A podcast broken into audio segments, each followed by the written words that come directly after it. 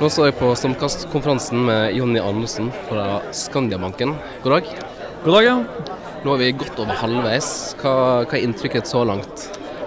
Nei, det har vært en veldig spennende og inspirerende dag. Eh, ikke minst eh, så syns jeg det har vært veldig kjekt å høre det sosiale engasjementet eh, i forhold til nyskapning og teknologi. Hvor det handler om å faktisk gjøre en forskjell eh, som har en sosial betydning. og Det synes jeg er veldig spennende.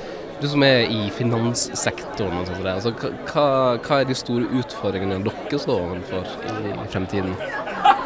Den store utfordringen er jo at uh, ingen vet helt hva som skjer i fremtiden. Uh, det er veldig stort fokus rundt uh, teknologiske endringer og muligheter og, og spennende ting, men, men, det er jo også en del sånn fundamentale spørsmål i forhold til hvordan samfunnet utvikler seg, hvordan kundeatferd utvikler seg, hvordan det økonomiske utvikler seg de neste årene, som selvfølgelig vil, eh, vil sette en stor preg på hvordan den bransjen utvikler, utvikler seg videre. Og Jeg stiller dette spørsmålet til alle sammen.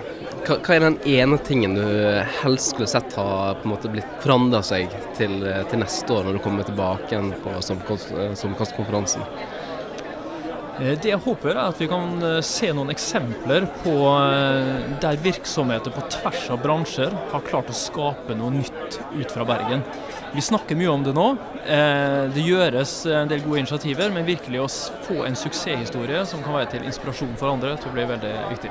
Og dere i Skandiabanken er klar for å ta imot de som måtte ønske å finne på noe? Absolutt. Eh, vi er veldig klare for å, eh, for å snakke med, med, de som kan ha gode ideer på hvordan vi kan eh, bety en forskjell eh, sammen.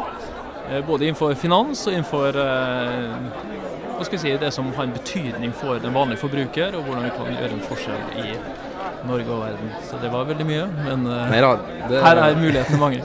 Da håper jeg at vi, vi står her til neste år med én eller flere til som kan uh, sammen med deg fortelle om, uh, om det, et sånt samarbeid. Uh, tusen takk for at du tok deg tid til å snakke med meg, Jonny. Tusen takk.